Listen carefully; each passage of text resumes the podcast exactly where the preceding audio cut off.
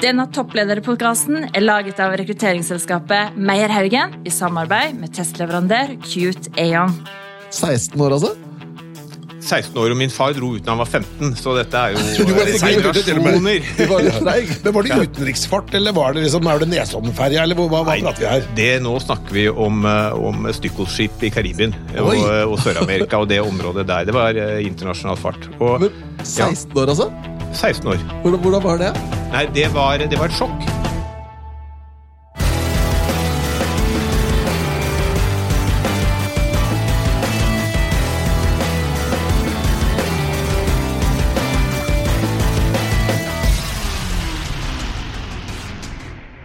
Ja, Sverre, i dag har vi en veldig spennende gjest i studio. Og du kan få æren av å introdusere han. Ja, og, og det vi er litt sånn eh, spent på her nå, eller vi er ganske sikre på faktisk, det er at denne podkasten kommer til å gå på skinner. Det er vi. Åh, ja, og vi har med oss konsernsjef i Bane NOR, og det er Gorm Frimannslund, var det riktig? Frimannslund, det er riktig. Ja, så bra. Velkommen til deg. Og vi har ordentlig gleda oss, eh, og det er av mange grunner. Du er jo leder i en hva skal jeg si, statsbærende organisasjon. Det liker vi jo da godt, at noen som har ansvaret for noe mer enn bare seg selv, men eh, som er viktig for staten Norge, da, eller nasjonen Norge. Så det føler du på det ansvaret? Jeg føler veldig tungt på det ansvaret. Vi bruker jo nesten 30 milliarder av statsbudsjettet. ikke sant? Sånn at det er, eh, Bane NOR er en, en viktig organisasjon i, i Norge for alle innbyggerne. Ja. Nei, og det, det må jeg bare si at det er eh, Ja, det er spennende hvis vi skal bli bedre kjent med deg, da. Men kan ikke du fortelle litt om deg og din bakgrunn? Ja, altså jeg er jo, jeg er jo en av de i, eh, i Bane NOR som, som var med fra Jernbaneverket opprinnelig. Men jeg har alltid interessert meg for dette med eh, samferdsel.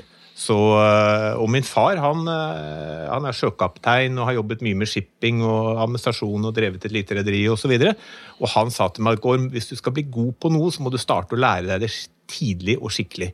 Og Derfor så dro jeg til sjøs som 16-åring, og så har jeg hele tiden tenkt på at sånn det å lære noe fra starten av, det er veldig veldig viktig, for det preger lederskapet ditt. Da har du respekt for de som går rundt og gjør den daglige Men- jobben. Ja, nå må jeg spørre. Fordi dette her er jo sånn her, Det høres ut som et, eh, som et pust fra fortiden. Fordi jeg har en datter som er 17 år, og for meg det fins ingenting fjernere enn å se for meg henne mønstre på et skip og forlate far og hjem og alt. 16 år, altså? 16 år, og min far dro ut da han var 15, så dette er jo generasjoner. Treig. Men Var det utenriksfart, eller var det liksom, er det Nesoddenferja, eller hva, hva, Nei, prater vi her? Det, nå snakker vi om, eh, om i Karibien og, og Sør-Amerika og det området der. Det var eh, internasjonal fart. Og Men 16 år, altså? 16 år. Hvordan, hvordan var det? Nei, det var, det var et sjokk. For at jeg var jo en, en eh, middels eh, skoleflink, eller kanskje litt lite skoleflink eh, gutt, som fikk veldig brå læring. Ja. Og det gjorde jo det at du, du lærer jo fort å måtte sette deg i respekt i blant litt sånn tøffe sjøfolk som har vært ute hele livet. Ja. Men det er, det er viktig. Det er viktig å lære å liksom sette sine egne grenser, og lære også hvordan å gjøre en sånn faktisk god, godt dagsverk hver eneste dag. Dette er jo så spennende. Det nesten kunne vært en hel podkast ja, og, alene. og, og, det, og grunnen til at vi er så interessert her, for jeg må jo si at jeg, hvis jeg ikke skulle vært eh, headhunter, så hadde jeg lyst til å være sjømann. For jeg er så utrolig glad i å være på båt, og jeg er veldig glad i å reise. Og så tror jeg noe det med det der litt om og jeg vet at det er hardt arbeid og ordentlig slitt. Jeg har lest i bøkene til Michelet. Jeg vet ikke hvor representativt de er for, for den jobben du gjorde. jeg. Ja, Det var i hvert fall representativt for den tiden han skrev det i, men det, var, det er veldig mye fysisk arbeid eh, Ja, den gangen eh, jeg var ute, og det var mye vaier og den typen eh, ting Ja. også, men det var ikke seil, da. Nei, nei, nei men, det, men han prater jo om en tid, la oss si, hva skal vi si, krigstiden, da, men også, den var jo da også eh, 40- og 50-tallet, da, ikke sant, som kanskje det er representativt for, da, så det var en krigssituasjon. da. Men jeg må bare si at det, det å være til sjøs mye, det må jeg si at det, det er alltid sånn, alltid sånn romantisk forhold til det. Ja, og så tror jeg også at det er eh, Det er jo veldig spesielt, for man er veldig mye ute på sjøen, og så er det kortere og kortere opphold i havnene etter hvert som måten Ja. er blitt mer moderne og sånn. Ja. Ikke sant? Men noe av dette har jo da dratt med meg videre. Ikke sant? Jeg, så når jeg tenkte jeg må jobbe med samferdsel, så husker jeg at jeg fikk, eh, fikk jobb i et konsulentfirma som skulle jobbe med sånt optimalisering av transport. Og Da tenkte jeg jeg må, jeg må lære meg dette ordentlig, og da tok jeg jobb som transport, eh, som, som sjåfør for eh, Fellesmeieriet. Oh, ja. Og da drev jeg og kjørte melk på distribusjon rundt omkring i Oslo. Og da, det, det kunne jeg bruke når jeg da satte meg ned og skulle være konsulent innenfor det. Og det er, eh, det er utrolig nyttig å ha gjort sånn. Så når jeg, senere begynte i, i Widerøe, og så fikk jeg etter hvert ansvaret for, for det som skjer ute på flyplassene. Og da fant jeg ut at ok, jeg må bare lære meg dette ordentlig, og da tok jeg én uke, og så satt jeg på innsjekk i Bergen. Og da husker jeg satt der og eh, fikk klar og tydelig beskjed at her måtte du bare stå på, var ikke noe særlig, og måtte ikke drikke for mye kaffe, for du fikk ikke noe særlig pauser. Nei. Var du sånn secret shopper, holdt jeg på å si? eller Sånn der, sånn der undercover boss, eller? eh? Ikke den gangen, men, men eh, det var utrolig lærerikt. Så husker jeg da at jeg måtte skrive bagasjelapper for hånd. Og så lurte jeg på hvem er denne fyren som har funnet på dette her. Og så ringte jeg opp til, til hovedkontoret vårt da, og lurte på hva er dette her for noe. Så fikk jeg vite hvem det var som hadde bestemt det, og det var meg. Da møtte jeg meg selv første gang i døren på sånn irrasjonell rasjonalisering. Han hadde spart noen trykkekostnader, og så påført masse arbeid. Det, det, det er en fantastisk historie. Men er du, er du klar over din egen parallell til Askeladden? Og hvordan ikke sant, Askeladden har jo dette skipet da, i eventyret som som går i, i luften og på vann og, Eller på, på land og til vanns opp i luften med. ikke sant? Du har altså vært da på båt. Så har du kjørt bil, og så har du vært i lufta på fly, og nå er det også på skinner. Så da har du liksom hele transportballetten, da. Da har vi så å si hele transportballetten. Og det, det, er veldig, det er jo fellesnevner her. ikke sant? Alt er i bevegelsen hver tid, og det er utrolig spennende. ikke sant? Det er aldri noe som står stille. ikke sant? Vi er avhengig av, av at driften på jernbanen går døgnet rundt. For at den går bokstavelig talt døgnet rundt. ikke sant? Det går masse godstog på natt, og du har nattogene og alt sammen. Alt må gå. Men du- Mobilen er på 24-7. Og dette skal vi definitivt prate mer om. Vi har et sånt eh, tema vi har lyst til å prate litt om dette med eh, bærekraftig samferdsel. Det kommer også til å være en rød tråd gjennom den podkasten, i tillegg til toppledelse. da. Men vi har lyst til å bli litt bedre kjent med deg. Så hvis vi hadde møtt deg i en, sosial sammenheng, og så har vi sagt du Gorm, hva mener du om? Og så treffer vi klokker igjen på favorittemaet ditt, som ikke er jobbrelatert. Noe du kan prate om med, på inn- og utpust en hel, eh, hel ettermiddag og kveld. Hva skulle det vært? Det, det er egentlig så mange temaer. da, altså Jeg er jo eh, interessert i, i mye, men av de tingene jeg gjør, er at jeg, jeg liker å kjøre motorsykkel. Og jeg liker å kjøre motorsykkel på grusveier etter hvert. Oh, ja. Og det er litt moro, for at det er litt sånn fysisk behersking. Og du kommer på du kommer på steder hvor det ikke kan si, har vært veldig mange mennesker før. at Det er litt sånn, det syns jeg er morsomt. Men kjører du en cross, da? eller hva Nei, jeg kjører en, en, eh, jeg kjører en KTM 890. altså Det er en med knastedekk som, Ja. er, eh, som går veldig fint på, på grusveier. Ja. Men i og med at jeg har eh, som, som konsernsjef, så, så kan jeg ikke gjøre for mange avtaler, for jeg er ganske opptatt i jobben. Ja. Så jeg kjører mest alene. Det hender en sjelden gang jeg kjører sammen med noen, men som regel kjører jeg alene. Og Da må jeg være i stand til å redde meg ut av litt vanskelige situasjoner også. Ja, riktig. Så det er ikke at du, liksom, for det kunne vært at du kjører dresin eller et eller annet annet som gikk på skinner, da, eller noe, med det, det er eh, Nei, han har jo hele paletten. Han har lagt på motorsykkel i tillegg. Så da, Ikke sant? Ja, sant? Tohjulinger og firehjulinger. Men sånne andre ting jeg liker å, å diskutere, hvis vi, det er f.eks. internasjonal politikk. er Ja. alltid interessant å, Spennende tider nå, da. Diskutere. I disse tider er det kjempespennende det å følge med hva som skjer i Ukraina, men også se, prøve å se det hele i et verdensbilde i Kina og osv. Det eh, Jeg har alltid abonnert på enten Newsweek Time og de siste i hvert fall 40 årene The Economist. Det Ja. leser jeg hver eneste uke. Sånn synes jeg er. Men jeg må stille deg et spørsmål, Gorm, og dette er et veldig viktig spørsmål. Du må tenke deg godt om før du svarer. Hvis du måtte velge enten jakt eller fotball, hva hadde du valgt da? Ja, Ingen av delene er min, eh, min favoritt, men jeg hadde faktisk valgt fotball. Ok, For det, Men du, ja, da, du, da får du et tvilsomt poeng, Petter. Ja, det er bra.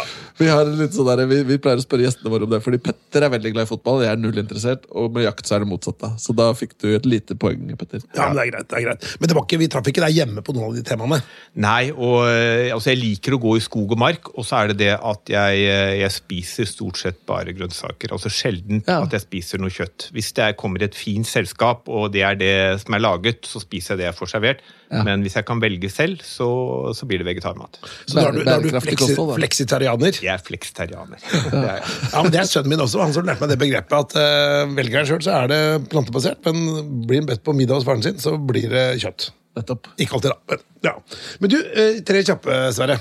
Det er da tre kjappe du får etterpå spørsmål på slutten av podkasten, Gorm.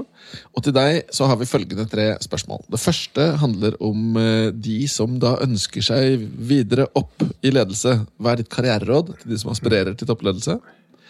Og nummer to, hvis vi tenker på det å være toppleder, så er jo samarbeid med styret veldig viktig.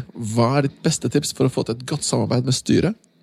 Og nummer tre, Da går vi personlig. Da skal du få lov til å velge enten bokverden eller film slash serie, og komme med én anbefaling på noe som har gitt deg verdi, som kanskje lytterne kan hente inspirasjon i. Alright? Bra. Og dere som lytter, kan jo tenke hva ville dere svart hvis dere var i Gorm sine sko, da? Men du, nå skal vi da prate litt om Bane Nor, som du da er leder. Eh, Bane Nor er jo en organisasjon som veldig mange har hørt om, men det er ikke sikkert alle vet nøyaktig hva dere driver med. Kan ikke du fortelle Hvorfor har vi en organisasjon som heter Bane NOR? Ja, eh, Bane NOR er jernbaneinfrastrukturen. Det er det som er liksom kjernen i, i Bane NOR. Altså, vi stiller skinner og, og si, infrastruktur tilgjengelig for togselskapene. Det er den viktigste delen av eh, det. Og så har vi veldig mye annet også. Vi driver med trafikkstyring. Vi bygger ut. Vi bygger ut enormt. Vi bygger ut for mer enn det vi faktisk har, på, har i eh, driftskostnader. Eh, for det satses enormt på jernbane i, i Norge. Og så har vi et eiendomsselskap som faktisk er et uh, veldig stort eiendomsselskap. Og det er rett og slett fordi at har, jernbanen har lagt beslag på veldig mye eiendom tidligere, og så er det etter hvert ikke like stort behov for den, den eiendommen. Men først og fremst for togselskapene. De er våre hovedkunder. Mm. Og så er det jo eh, i forbindelse med hva skal vi si, Da jeg vokste opp, så var det jo da Alt var jo i et selskap som het NSB, og da eide vel de både skinner og tog og billetter og alt det sånt, men nå er jo det splittet opp. Kan ikke du prøve å Vi prata litt om dette for sending, at det er jo en litt sånn kompleks materie, men det er jo ulike folk som eier skinnene, eh, togene, billettsystemene. Eh, det er jo litt sånn, Nå er det litt mer sånn fragmentert, er vel lov å si? Det er eh, blitt litt mer komplisert. Altså, det er jo noen land som fortsatt holder alt samlet, men det blir det færre og færre. og, og det som er nå eh, si, reglene innenfor EU, tilsier at alle blir nødt til å skille etter, eh, etter hvert. Eh, togselskaper har stort sett samme altså Togselskaper finner du over hele Europa, og jernbaneinfrastrukturselskaper finner du stort sett over hele Europa. Så har man gjort noe i Norge som er annerledes enn det man har gjort andre steder. Nemlig man har laget et billettselskap. Altså man lagde Entur fordi at man ønsket ikke å få samme problem som man hadde hatt i flere andre land, med at du, du får ikke kjøpt uh, billetter uh, annet enn på hvert enkelt togselskap, og så kan du bytte dem innimellom. Så Derfor så lagde man Entur i forbindelse med jernbanereformen. Men det er unikt. Norske tog er også unikt. For at i alle andre land så er det togselskapene som eier sine egne tog. Og det var nok riktig av den eh, i jernbanereformen å gjøre det for å få i gang konkurransen. For da var du helt sikker på at eh, det ville komme selskaper. For at det koster mye å kjøpe tog, og da må man ha de ja, du, eh, det, det, er jo, Et tog varer jo 30-40 år ikke? hvis man først kjøper det. Eh, så de to tingene er unikt i forhold til resten av eh, Europa, og, og veldig spesielle sånn i verdenssammenheng også. Og så er det det at vi i Norge så har vi også et jernbanedirektorat. Det er ikke så unikt, men, men eh, du har både Bane NOR og et jernbanedirektorat, så vi stort sett kommuniserer veldig mye med Jernbanedirektoratet, som igjen kommuniserer med Samferdselsdepartementet. Så vi har, en, vi har en modell med mange ulike enheter. Eh, det viktige det er at det er veldig tydelig hva er infrastrukturforvalter og hva er et togselskap. Mm. Det er det aller aller viktigste. Det er liksom to byggestener i det som skjer hver eneste dag. Mm. Men hvis du da skal se, Nå har det jo vært ganske mye som har skjedd. Du har hatt en veldig satsing på jernbane, som du sier. Det er Bærekraft er i vinden. Eh, du har dette med eh, Så har du hatt covid, som på en måte har hatt betydning for, for personaltrafikken. Men hvis godstrafikken har gått opp, kan ikke du beskrive hvordan er det å drive med skinnegående trafikk disse tider? Ja, altså Det er jo veldig vanskelig å spå om fortiden, altså på fremtiden, ja, ja. Spå om fremtiden når vi er i den situasjonen vi er. For vi ser jo at passasjertrafikken tar seg sakte, men sikkert opp, men det går veldig langsomt. Mm. Og så har godstrafikken gått kraftig opp, og det er jo drevet av to ting. Det ene er det at det er mangel på sjåfører. Ja. rett og slett. Altså De har dratt hjem til Øst-Europa eller hvor de kom fra. Og vi har det at flere og flere bedrifter stiller krav til et bærekraftsregnskap. De skal være bærekraftige, og da er det ikke noe som er mer bærekraftig enn å sende godset ditt på jernbanen istedenfor å sende det på vei når mm. du har muligheten til det. De to tingene driver det veldig opp. Men det å lage gode prognoser på passasjersiden, det, det er vanskelig. På, på, gods så tror jeg at den veksten bare kommer til å fortsette. Ja. Mm. Men når du da bygger ut altså jernbanen, er det sånn at Uh, bygger man da nye jernbaner til nye steder, eller, bare, eller, har man et nettverk som man egentlig bare bygger dobbeltspor uh, istedenfor enkeltspor? I all hovedsak så er det det at vi utbedrer den jernbanen som er, altså f.eks. Ja. dobbeltspor til, eh, til Ski, ja. som gjør at du får halvert reisetiden. Elleve ja. minutter fra Oslo til Ski. Det er kortere enn hva jeg bruker hjemme med T-banen. Eh, du kan si at det er et nytt dobbeltspor, men det, det gamle dobbeltsporet kommer til å gå med full, full eh, trafikk eh, fortsatt. Stort sett så er det at man øker kapasiteten på nett, det nettet man allerede har. Det å bygge helt ny jernbane i et land som Norge er ganske ganske kostbart. Ja. Reffe Nord-Norge-banen. Den eh, til Tromsø, f.eks., eller Kirkenes, eller hva man har planlagt. Ja, da snakker man jo om godt over 100 milliarder. Og det er vanskelig å se hvordan den skal greie å konkurrere i eh, kan du si, lønnsomhet med andre store jernbaneprosjekter. Ja, ja. Eh, jeg må si at jeg kommer fra jernbanebygd sjøl, Notodden. Der var det jernbane fra Notodden, og så måtte du til Nord-Agutu og jukse ved å bytte der. Og så kunne du komme deg på Sørlandsbanen og til Oslo, da. Det tok jo noen, tok noen timer, da, for å si det sånn. Så, eh, men jernbane det var liksom en sånn viktig ting. Eh, og så hadde jeg som familie fra Treungen, der gikk det også jernbane til Treungen, men den ble lagt ned på 60-tallet, da. Men der kan man løpe langs de gamle togskinnene. Så det har vært mye jernbane i Norge. Det er mye jernbane i, i Norge, og det, det aller, aller, viktigste er å ta vare på det vi har, og så bygge nytt. Det er vår prioritering. Men det er et spørsmål til deg som leder i en sånn organisasjon. Fordi ulike ledere så har man ulike utfordringer, og du nevner da f.eks. Altså Finnmark, bane i Finnmark. Da, så er det sånn konkurrere på lønnsomhet på utbyggingen. Det er vanskelig å konkurrere på det. Hva er de største tingene som holder deg våken om natta da, som leder? Hva er liksom de største utfordringene du må møte som leder? Nå, nå, har, jeg, nå har, jeg, jo ledet uh, veldig mye sånn operativ virksomhet gjennom karrieren min, så jeg sover godt om natten. det, det, er mye som kan gå galt! ja, ja, det er mye som kan gå galt, og du, du, du, det nytter ikke å Billedlig sagt, da. Ja, Hva er liksom men, de store utfordringene som du må løse? Det veldig veldig viktige for, eh, for eh, Bane NOR er jo å unngå at vi har noen, noen større ulykker. ikke sant? Det, ja. Og det, har, det er veldig, veldig, veldig lenge siden det har vært noen større ulykker i Norge. Så er det jo åpne de store prosjektene på tid. Ja. Det er jo uh, Follobanen, desember. Vi skal åpne med nytt signalsystem uh, på Nordlandsbanen i uh, oktober. Uh, og det, det, er veldig viktig for det signalsystemet skal vi rulle ut over hele landet. Og Hvis vi greier det på kost og tid, så er vi de første i Europa som får det til. Og vi har tenkt å få det til. Ja, spennende. Så tid, pris, kvalitet. Det er viktig. Ja, ja. Tid, pris og, og kvalitet. Og det er, eh, det er, jo viktig hele tiden å lære av de erfaringene man har underveis. Ja, ja. Så tett, tett oppfølging av store prosjekter, det er viktig. Vi skal også da prate om dette med bærekraftig samferdsel. Eh, hva er nøkkelen til det?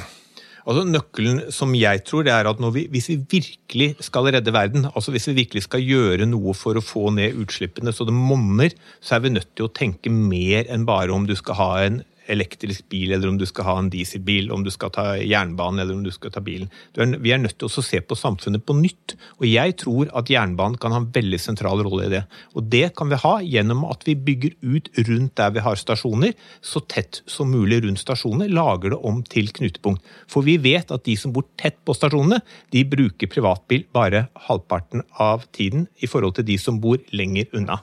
Og det er, det er, en sånn effekt som vi må få med oss inn i dette. Det er akkurat det samme som hvis du bor i en leilighet, så har du halvparten av energiforbruket i forhold til det å bo i en enebolig. Og hvis du bygger miljøvennlig rett på stasjonen, da blir dette veldig, veldig bra. Har du noen eksempler på liksom veldig vellykkede satsinger? her? er det Lillestrøm eller er det altså Barcode? eller hva, hva er liksom de store vellykkede prosjektene? Ja, Barcode er et veldig godt eksempel, for der har man jo gjort målinger i ettertid og sett at man faktisk får ned altså at bilbruken er mye mye lavere enn det den alternativt uh, hadde vært. Uh, og det jeg leste, var 50% Men vi gjør jo veld, dette på veldig mange forskjellige steder. Hvis man ser oppe på Ski, så kommer det Ski der hvor du ser overflateparkering i dag, kommer det til å bli nesten en ny bydel. i midten av Ski. Vi kommer til å gjøre det samme etter hvert som vi kommer lenger i, i, i Moss. Og hvis vi går, drar til et sted som bare ta et, et litt sånn billedlig eksempel, altså Hummelvik. Hummelvik er det allerede. Hummelvik oppe ved uh, Riktig. Hummelvik, ja. Riktig. Det er sånn å spørre Petter, da, som er sånn quizmasteren. Hvor er Hummelvik, Petter? Vet du? Aner ikke. Hvor gikk raset? Oppe ved Trøndelag. Like ved. Og på E6-en rett ved Humlevik. Ja, vel, Humlevik, da. Men, eh, men eh, der er det faktisk private utbyggere som bygget ut rundt stasjonen på, eh, på den ene siden. Bane NOR kommer til å bygge ut på den andre siden. Det gjør jo det, altså med 40 kroner derfra og inn til, til Trondheim sentrum, det gjør at dette her blir en bydel i Trondheim. Men det blir en miljøvennlig bydel, for at de som kommer til å reise til og fra eh, Trondheim sentrum, kan bruke jernbanen. Og sånn tror jeg det er riktig måte å se det på. Men du nevnte jo dette i stad, så nevnte du eiendom, ikke sant? og nå snakker du om å bygge ut. Eh, Ja. Er det sånn at dere da bygger, det er dere som bygger ut f.eks. i Ski? Som du Det er Bane NOR Eiendom som, eh, som eier tomtene, og som kommer til å sørge for at det blir, eh, blir bygget ut. Og vi kommer til å gjøre det av og til sammen med andre, og av og til så gjør vi det alene. Men vi Ja. sikrer at det faktisk blir bygget ut rundt stasjonene. Riktig. Og da kan det være både privat, altså leiligheter eller næringseiendom eller Det er leiligheter og næringseiendom, eh, og hva vi stort sett gjør, er jo at Bane NOR bygger det ut, og så selger vi det. Ja. Det er bare hvis det er helt, helt tett innpå at vi velger å, å eie det selv. Men i all hovedsak så bygger vi og selger. Jeg husker i hvert fall Som Vålerenga-supporter så husker jeg det var snakk om å bygge en ny Vålerenga-stadion oppå skinnegangen på Oslo S. Men det var det veldig få som hadde tro på, da, så bra det ble der hvor det ble. For det, var en, for det, det kunne man jo lagt lokk på hele det svære området ved Oslo S, og så bygd noe på toppen der. Det har vært snakk om bussterminal oppå sporet på, Ja. på Oslo S, og så er det det som gjør at jeg er veldig negativ til akkurat det forslaget. Ja. Det er fordi at du må ha så mange togfrie perioder for faktisk å bygge det.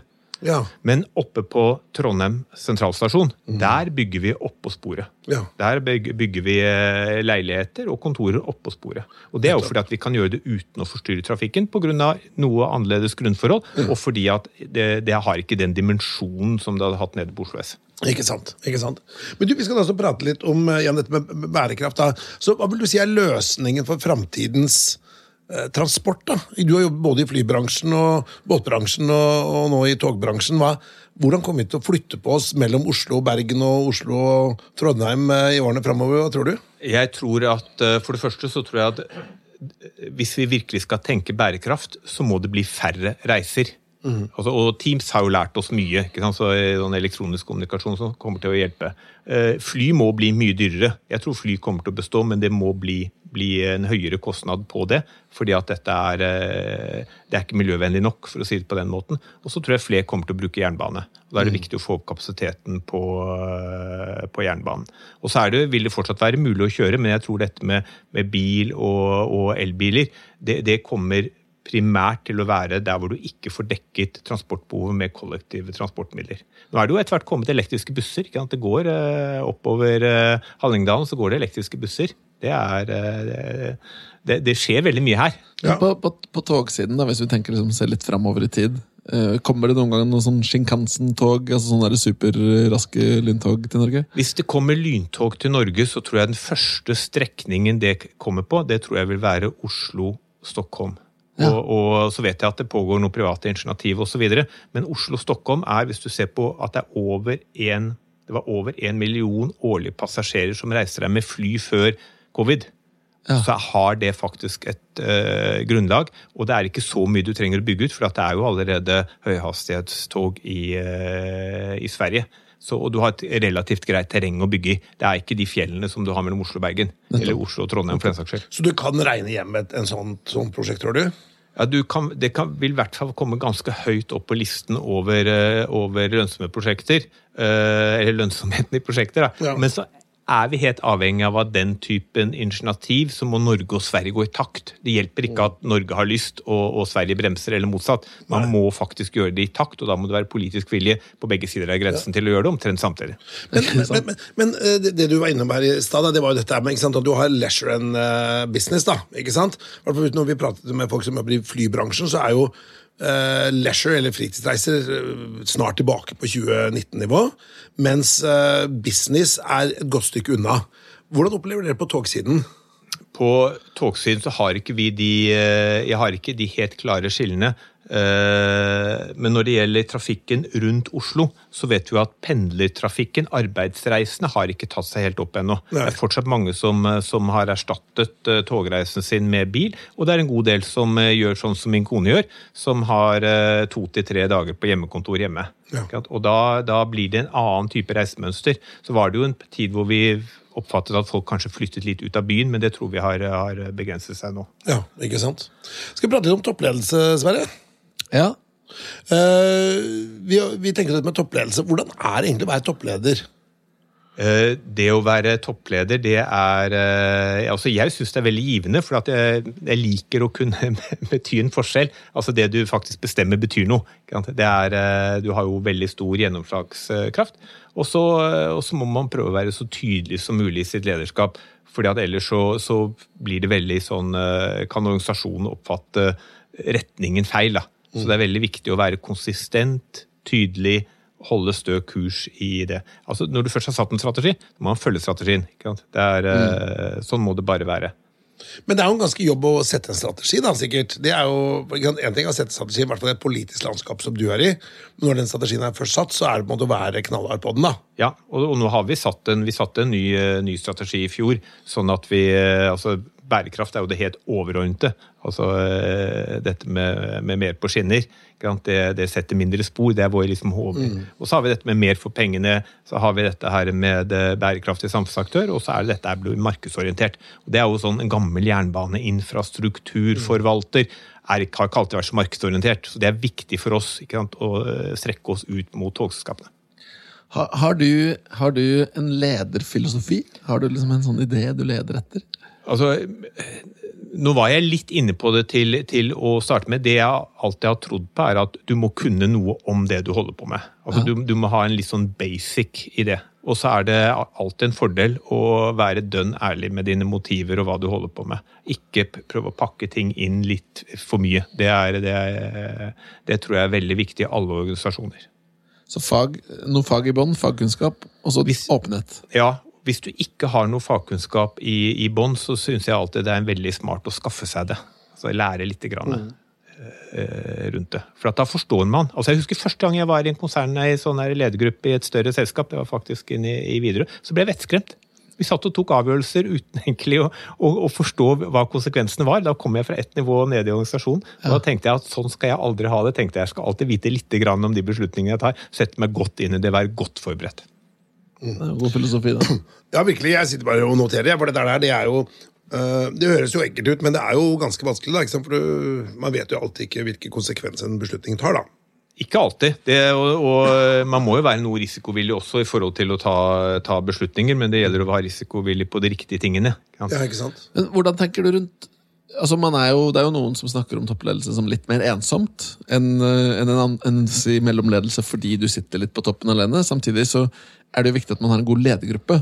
Hva tenker du, hva trenger du i en god ledergruppe for å være mest mulig effektiv? Altså, hvis jeg har en god eh, ledergruppe som gir meg tilbakemeldinger på hva jeg gjør bra og hva jeg gjør dårlig, så er jeg veldig godt fornøyd. Og det, det opplever jeg at jeg har. Altså At jeg får innspill på dette fungerer, dette her må vi kikke nærmere på. Så i en akkurat det samme som, som en toppleder som individ, så, som konsernledergruppe, som, eh, som gruppe. At de er ærlige, de vet hva de holder på med, de har troverdighet ute i organisasjonen. Og Det er noe bare å jobbe kontinuerlig med. Og Der tror jeg vi tapte en del under, under covid. Det Ja. tror jeg er helt sikkert, for vi ble for fjerne. Plutselig var vi alle sammen bare et lite bilde på Teams. Ikke sant? Det er, eh, for du vil gjerne snakke med folk og stille spørsmål og rive og dra litt osv. Ja, ja. Men vi skal prate litt om dette. oh, ja, fikk jeg litt håndnot i halsen. Eh, Vi skal prate om dette med psykologi, eh, og personlighet. Ja, personlighet, ja. Vi, vi gjør jo mye personlighetstester, Gorm. Og så prøver vi å finne ut av eh, hvordan er folk da, i forhold til jobb og match med jobb og energilekkasjer og match med om man passer til en jobb. da. Hvordan vil du beskrive selv din egen personlighet? Ja, hvordan det? Eh, Jeg fleipet jo litt med at jeg hadde kode INTJ da jeg her tidligere, og det beskriver ganske bra. Jeg er litt grann introvert. Eh, Ja. Det betyr at jeg, jeg går inn og søker eh, ro og, og, søker, og henter inn energi. Jeg, jeg mediterer, jeg glemte å si. Du gjør det, Jeg ja? mediterer hver eneste morgen. Ja. Det er én måte å, å gå inn i seg selv på. Liksom nullstille, tenke fremover. Og det er, det, er viktig for meg. Det har jeg gjort i 30 år. Da er det fristende å spørre hva slags type meditasjon? Eller? Ja, det, jeg vet ikke hvilket navn jeg skal sette på det, men, men det, er, det er fokusert mental meditasjon. Ja. Jeg sitter stille, jeg gjør ikke noe fysisk med kroppen, men, men jeg, jeg jobber med konsentrasjon. Ja. Og kommer så dypt jeg kan i, i Jeg er fristende å spørre om du har vært borti noen kampsport eller noe sånt. Er det der du har det fra, eller? Eh, Nei, men det, i min tidlige, tidlig barndom så drev jeg litt med judo. Ja. Så, så det, er, det henger jo ofte litt sammen se, med det. ja. Alright, så hvis, hvis, hvis du nevnte du INTJ. For de som ikke er kjent med det, så er jo det en, en sånn type betegnelse i det som heter Myers-Briggs Type Indicator.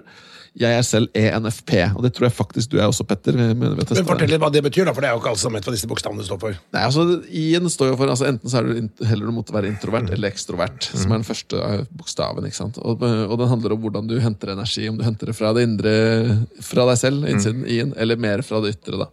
Og N-en kan jo være enten N eller eh, i-N, skal vi se Intuisjon, sansning, N eller S Ja. er det på nummer to. Som er enten om du henter det da i den fysiske verden, eller litt sånn intuitivt, intuisjonsbasert, den N-en. da. Eh, og så har du T-en og P-en, som nei, T-en og F-en, som handler litt om hvordan du, hvordan du tar avgjørelser, hvordan du vurderer ting, med følelser eller med tenkning. Du er jo da, så langt da, hvis vi ser på deg, så er du da, heller du mot liksom den, at du er en tenkende type, at du også har det intuisjonsbaserte, du kan se litt mellom linjene og koble trekkene, og så er du eh, en tenker. Du tar avgjørelser basert på logikk, kanskje, framfor Ja. følelser, da. Stemmer det? Ja. Ja. Det er judging på den det siste. ikke? Judging er på den siste, ja. Og på den norske beskrivelsen av judging er jo avgjørelse. At du er liksom handlings, handlingsorientert framfor opplevelsesorientert. Da, som er den andre. Spennende. Ja, Men, men øhm, opp igjennom nå har jo du endt opp i en lederstilling. Ikke bare en lederstilling, men på toppen av en kjempestor samfunnsnyttig organisasjon. Og på veien så er det jo fristende å anta, da, som alle andre, at du har hatt noen personlighetstrekk som du har følt vært sånn ja, men dette er jeg glad jeg har, dette har hjulpet meg. Og kanskje andre trekk hvor du har tenkt at dette må jeg jobbe litt med for å få til ting. Hva, hva tenker du rundt det? Er det noen områder du har jobbet mer med? Ja, det, at, det har hatt behov for å jobbe mer eh, med meg, er jo egentlig eh, når jeg hadde en I-en først, så må jeg jobbe litt med den, eh, den E-en. Altså Ja. for F.eks. gjennomføre en podkast eller stå på scenen for en stor forsamling. eller noe sånt. Altså, det har jeg jobbet litt med med å bli bedre på. Ja. Å være litt mer ekstrovert, eller få Ja, strekke meg litt ut mot uh, Utafor komfortsonen. ja. Vise meg litt mer frem. ikke sant? Det er, det er litt viktig. Nå er ikke jeg langt inne på den uh, introvert-delen. Jeg liker å snakke med folk. Ja. Ikke sant? Men det er uh, det- Ja, den har jeg jobbet litt med. For det, hvis, det man ser, det er jo at eh, hvis vi ser på introvert ekstrovert, så er det jo ikke noen korrelasjon mellom at liksom, man er en bedre leder hvis man er ekstrovert eller introvert. Jo, men det jeg leste, da, det var faktisk øh, øh, noen som nevnte meg at veldig mange toppledere er, tenderer å være mer introverte. Eh, og det er fordi at, eh, og grunnen til det, det er at eh, det er ofte det å være leder er en ganske ensom jobb. da, Du må sitte og jobbe mye aleine. Og det er de som på en måte trives med det å gjøre jobben ordentlig, de ender som regel opp altså Det er grundighet, de, de legger ned timene, da, ofte aleine.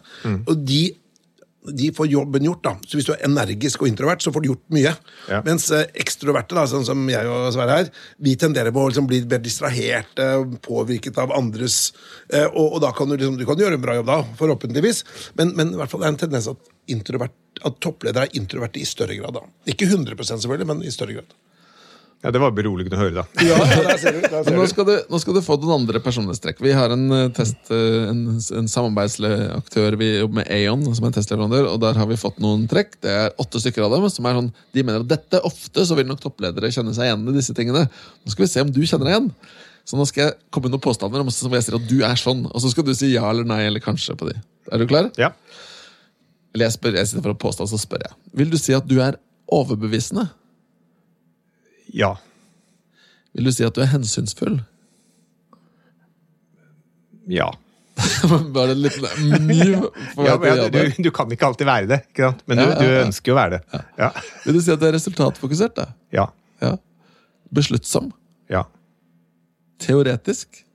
Ja. Ja. Optimistisk? Ja. Ja, det var tydelig. Behersket? Ja. Ja. Entusiastisk? Ja. Ja. ja så eh, det, det er et forbedringsområde. Å, er det det? Ja, det okay. er det. det, er det. Ja, men For dette er jo veldig interessant. Fordi når du nå har snakket om deg selv, ikke sant, så snakker du om deg selv, du beskriver deg selv som kanskje heller litt mer mot introvert. Sånn sett at du må jobbe litt med, sånn som den arenaen vi er i nå. ikke sant, Ja. Synlighet, utadvendt. Og så sier du kanskje, eller jeg vet ikke på entusiastisk, men jeg har i hvert fall så langt i samtalen oppfattet deg som ganske entusiastisk. Ja, ja, men dette er jo- Ja, jeg vil, jeg vil si eh, La meg bruke et annet ord som en sånn mer om at du har passionate, da, engasjert. For entusiasme kan hvor du vel hende over hodet og sånt noe. Og hittil har vi ikke sett henne over hodet, men, men, det kan hende at det kommer i løpet av podkasten. Men, men, at du er, når vi prater med deg om jernbane, samferdsel, fly, mm. så, så ser jeg det er en glød, en energi der. Og dette kan du virkelig prate om lenge. Eh, men jeg, jeg, ser at du blir liksom engasjert av det. da, men så er det jo, sant, Dette er jo ord som er veldig nyanserte. da, Er det utvendig, ja. innvendig? Hvor kommer den driven fra? da? Ja, Altså, jeg var i SAS i en periode hvor vi virkelig sloss for å overleve. Dessverre hører jeg SAS gjør det nå igjen, men, men eh, og da var, det, da, var det, da var det tøft. Vi visste ikke om vi hadde penger til å utbetale lønninger i alle månedene osv. Da husker jeg at jeg gikk i sånn lederutviklingsprogram borte i Stockholm. Og så var det en som skulle beskrive meg, og så sa han jeg skulle bruke bare ett ord. Så så han på meg og så sa han 'dødsseriøs'. da tenkte jeg fader, dette må jeg gjøre noe med! Ja, ja, ja. Men det der er veldig morsomt, da. Det er veldig morsomt, fordi da er det også interessant å tenke over liksom, hva, hvem var du, eller hva slags rolle tok du i det programmet. ikke sant? Ja, ja, ja. Fordi den, altså, all, all, respekt, jeg mener ikke å si at ikke du framstår som dødsseriøs, men det er ikke det ordet jeg hadde brukt hvis jeg skulle velge ett ord på deg. Nei, ikke nå i dag, nei. nei. nei. Virkelig ikke. Da, da ville jeg sagt sånn engasjert uh Uh, altså, du, du, bare ser den drivkraften inni deg. da Nå, ja, nå har vi møtt hverandre bare en halvtime, så jeg skal ikke legge noe ja, sånn der, Vi skal være forsiktige med å være sånn, men, men jeg ser i hvert fall på kroppsspråket og blikket ditt at ja. når vi prater om jernbane og bærekraft, så, så, så er det liksom du, du, kommer omtrent over bordet her, altså. Ja, levende. Ja, det må jeg si, altså. Virkelig. Men, og det morsomme, da, Gorm, det er jo at du sier jo på disse trekkene sier du ja på alt. Kanskje liksom med unntak av den entusiastisk, men, men, vi ser jo litt entusiasme. Ja, ja, ja, ja. ja. Nå, nå jo, kommenterer vi radio, da, så det er kanskje det er ikke så lett for dere å se, men, men vi ser en engasjert fyr her. Virkelig. Kroppsspråk er vanskelig å formidle i podkast. Ja, ja, ja. Uansett, tusen takk for at du deler så åpenhjertig. Det er, det er alltid men, men, jeg har lyst til å bare spørre om én ting. For vi, vi, har jo spurt nå 65 toppledere eller noe sånt. Ja. Og, og, og, de svarer ganske likt. Men mm. utenom én, for det er teoretisk. Der svarte du ja, men veldig mange svarer nei. Uh, og jeg er tvilende. Ja, er litt tvilende. Jeg er mer usikker på den. da. Og, og, jeg er veldig glad å svare at du svarer teoretisk, for det er som sånn Hva skal jeg si uh, ja, Før jeg begynner å ha noen spekulasjoner, fortell litt om hvorfor, hvorfor tenker du deg som teoretisk? Ja, altså, jeg har alltid likt å forstå uh, teorien bak ting. Mm. Uh, jeg er jo de som virkelig satte pris på å, lære matematikk på skolen. ikke sant? Ja. Jeg, altså, sånn, uh, jeg liker å, å, prøve å se ting i modeller, tegne ting i bokser. ikke sant? Altså, sånn, så jeg, jeg syns teori er spennende. Ja. så ja. Det er, det er, noe som fascinerer meg. Jeg er sånn som jeg kunne godt ha tenkt meg å lese noe teori på, på sengen før jeg skal legge meg. Ja, og så Nå skal ikke jeg spore oss helt av inn i matematikkens verden, her, men det som er fascinerende med matematikk, det er at du kan uttrykke ting som man som menneske ikke konseptuelt kan forstå. Fordi vi kan lett tenke tre dimensjoner. Mm -hmm. Mens det øyeblikket vi prøver å begynne å tenke fire dimensjoner, så blir vi forvirra. For det skjønner vi ikke. Men matematisk så er det dritenkelt å tenke både fire, fem, og seks ja, ja. og sju dimensjoner uten å bli forvirra. Snakk, det, snakk, for deg sjøl, sier jeg da. jeg må ja. si at Det er mye jeg kan skryte av, men uh, mattekarakterene mine fra videregående de skal jeg ikke Den CV-en her, den får du ikke. men hvis vi da tenker på dette her med uh, tre kjappe, Sverre. Ja, og da har du, da har du fått varma godt opp. Oi, ja. Med kroppsspråk og stemme og alt sammen. Ja. Så da minner jeg om, nå tar jeg det i rekke og rad, tre kjappe spørsmål. Det første det er da hvis du skulle se tilbake på ditt liv. Fra du satte føttene om bord som 16-åring på en båt og mønstra på, til i dag hvor du sitter som toppleder for en stor organisasjon. Et karriereråd til de som ønsker seg opp og fram inn i ledelse. Ja, og da er den, den ene tingen det er å virkelig ville bety en forskjell. Det, det, er mye, mye viktigere enn det at jeg ønsker å være leder. Man må ville endre på noe. Man, vil, man må få noe til å skje. Det er det som er viktig. Jeg syns du, du, er spot on. Og som rekrutterer så må jeg si at vi snakker jo ved veldig mange som ønsker seg inn den veien. Og så snakker man om ja, når man vil inn i ledelse, og det vi lurer på der, ok, men hvorfor det? For det er ingen ja. som vil ha noen som skal lede bare for å lede.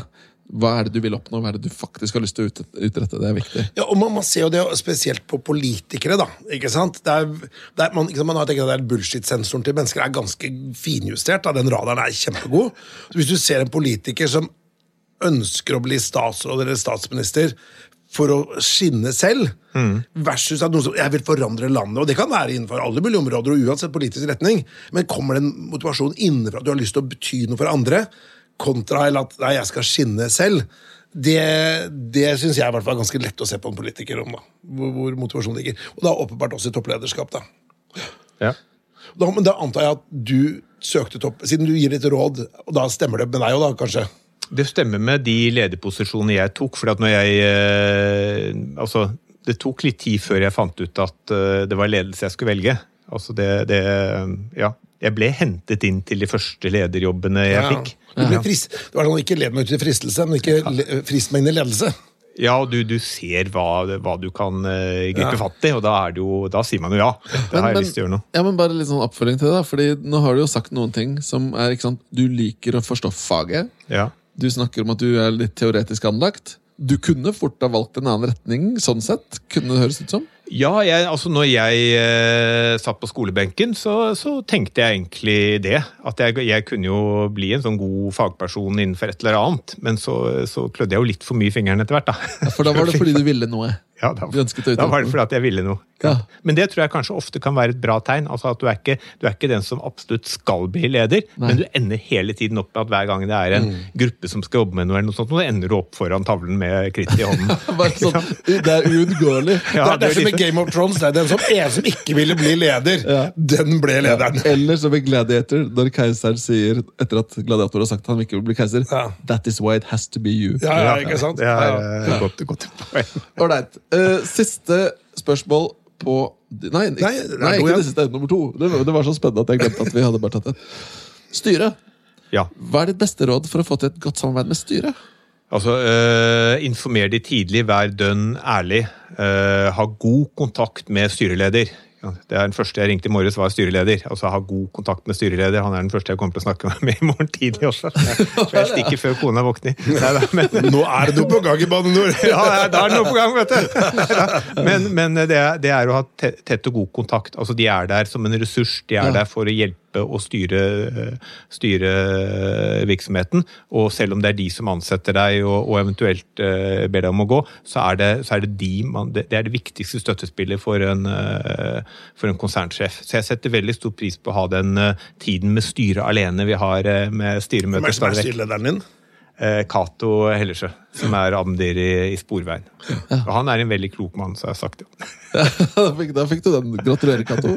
Kanskje vi må invitere Cato på podkast, Petter. Du, eh, veldig bra. Det er et godt tips. Eh, neste spørsmål. Siste spørsmål, da. Tre kjappe. Og nå kan du velge hvilken kultursfære du vil inn i. Om du vil inn i levende bilder, altså serie eller film, eller om du vil inn i bokverden. Men du kan gi tips på enten en bok eller en film slash serie. Ja, Som du har hatt glede av selv. Som jeg har hatt glede av, selv. Vet du hva, jeg, Det, det syns jeg er et fryktelig vanskelig eh, tema. For jeg Alle har sin smak, da. Men, men, sært? men en bok jeg nylig eh, leste om igjen, som eh, gjorde enormt inntrykk på meg som, eh, faktisk som barn, det var eh, Varg av Mikkel Fønhus. Oi, Og det er denne, her, denne hele tiden nå er, nå er det ikke det noe miljøvennlig i dag, bare for å ha sagt det med en gang, for de dreper eh, en av de få gjenværende ulvene i Norge, så dette er ikke et innlegg i ulvedebatten. Men, men denne her intense kampen alene i naturen, ikke sant, Eh, det er, eh, det er veldig fascinerende. Den syns jeg var Og der er det sånn, du har Gjenbesøker du også en bok fra barndommen, antar jeg? Eller ungdommen? eller... det var, eh, Den fant jeg tilfeldigvis i, eh, etter at den hadde vært borte fryktelig, fryktelig lenge. Ja. Ja. Hva med deg, Petter? Hvis du, hvis du ser tilbake til barndommen, har du noen bøker som, du, som, som gjorde inntrykk på deg, som du godt kunne gjenbesøkt? Ja, eh, det er det faktisk. Eh, Jeg husker jeg leste en del sånn Knut Hamsun da jeg var Altså ikke barn, da, men jeg var i hvert fall ta på deg! Nå var Jo, jo, jo, Hamsun som barn! Nei, jeg ikke, derfor jeg sa ikke som barn, men som tidlig ungdom. da, Ja, ja. tenårene. Altså, når jeg var liksom liten, så var det noen, noen tegneserier. Men liksom, og da skjønte jeg ingenting av sult. Og, så, og, så leste, og, så, og Markens Grøder skjønte heller ingenting, og så leste jeg de faktisk for et par år siden. Og da hadde jeg Da syns jeg forfatteren hadde blitt utrolig mye bedre. Eller alternativt at jeg hadde blitt smartere. Men nei, det må jeg si at noen av de gamle klassikerne, og det er derfor de er klassikere, at det gir deg Det funker også med mange års mellomrom. da. Og Det er vel kanskje det som definerer en, en klassiker. Og det gjelder alle kunstformer, tenker jeg da. At Du kan se det som barn eller ungdom, og også som voksen. Og så kan du finne nye ting ut av det. Det er derfor det er en evergreen. da. Ja. Men den boken jeg trolig har lest oftest, altså om igjen, det er faktisk eh, Hercules sine tolv arbeider. Men det har jeg jo ikke noe forfatternavn på. Hercules sine tolv arbeider, ja. Ja, den, har jeg, den er veldig fascinerende. Den har jeg flere versjoner av. Den må vi sjekke ut. Så mytologi er også veldig artig, for at det er så mye symbolspråk inni det. Ja, det er Også etter hvert så lærer man litt mer og mer om, om hva disse symbolene betyr. Ja. Jeg, jeg, jeg har lyst til også å komme med en anbefaling. Uh, og det er klart jeg kunne jo gått på Kanskje For meg så ville det vært typisk kunne vært Hobbiten. Hobbiten var Bibelen. Hobbiten og Ringenes herre var for meg de store biblene, egentlig. Men jeg har lyst til å trekke fram en bok av uh, Bengtsson. Jeg husker ikke farta men han har skrevet en bok som heter Røde orm. Som er egentlig en fiksjon, men den er liksom en vikinghistorie. Utrolig underholdende. Jeg sitter og ler høyt når jeg leser, leser den. Svensk forfatter. Røde orm. Veldig veldig morsom bok. Ja. Litt innsporet av Ja, ja. mytologien her, da. Veldig bra. Var det, ikke, var det ikke siste gang? Da? Ja, dette var det siste. Har vi tatt tre nå? Vi har tatt tre. Vi har tatt, uh, vi har tatt eh, karriereråd, vi har tatt styre, og så har vi tatt uh, Ja, ja, bok. Veldig bra. Men du, eh, jeg må bare si at det det var veldig hyggelig å ha deg i, i, her i podkaststudioet vårt. Og jeg må bare si at eh, vi har vært gjennom mange spennende temaer. bærekraft og, og Bane NOR og toppledelse og personlighet. Så jeg må bare si Gården, tusen hjertelig takk for at du kom til studioet vårt. og Det har vært veldig lærerikt. Og så lykke til videre med den viktige jobben du gjør i Bane NOR. Ja, og tusen takk for at jeg fikk komme, så takk skal dere ha. Har du innspill eller kommentarer til denne podkasten, kan du sende en e-post til toppleder at meierhaugen.no.